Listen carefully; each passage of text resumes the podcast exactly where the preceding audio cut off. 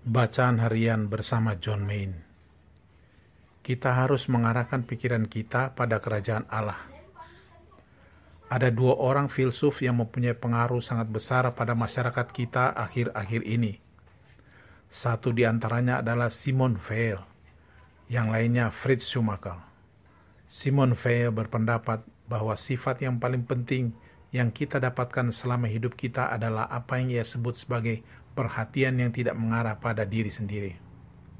Fritz Schumacher sampai pada kesimpulan yang sama dan ia sebut sebagai perhatian yang tidak mengarah pada diri sendiri yang dikatakan oleh Simon Weil sebagai perhatian belajar untuk hadir. Keduanya dipengaruhi oleh tradisi yang kita katakan tradisi doa kontemplatif, tradisi meditasi yang berasal dari rahib perdana. Ini adalah pelajaran penting yang kita pelajari dari meditasi. Untuk hadir sepenuhnya dan memberi perhatian sepenuhnya.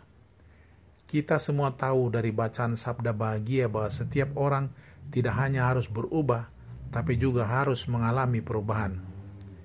Kita juga mengetahui dari bacaan surat Santo Paulus bahwa kita hanya dapat diubah dalam Kristus, melalui Kristus, dan dengan Kristus.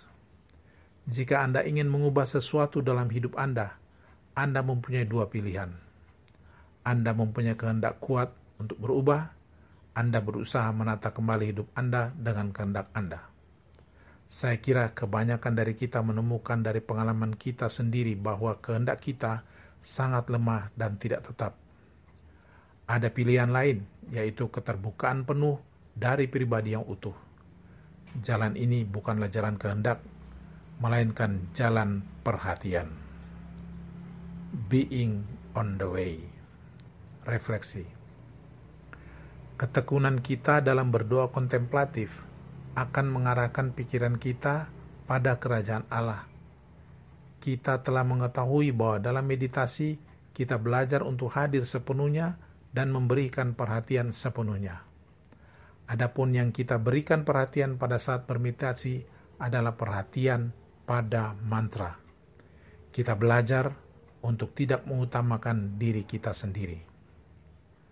Pater John Main mengatakan bahwa kita harus belajar mendengarkan mantra sewaktu kita mengucapkannya dalam batin. Kita berikan perhatian pada mantra dan kita ucapkan dalam hati secara terus-menerus dengan setia, sehingga mantra bergema di dalam kita, dan kita membuka hati kita akan kehadiran Kristus. Hanya di dalam Kristus, melalui Kristus, dan dengan Kristuslah kita dapat diubah menjadi ciptaan baru.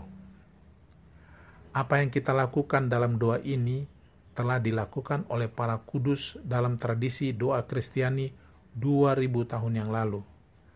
Mereka menjadi kudus karena memiliki perikiran Kristus. Arti kudus di sini yaitu mereka menjadi manusia seutuhnya.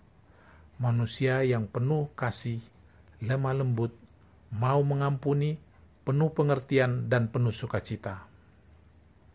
Bersediakah kita diubah menjadi ciptaan baru di dalam, melalui, dan dengan Kristus untuk menjadi manusia seutuhnya?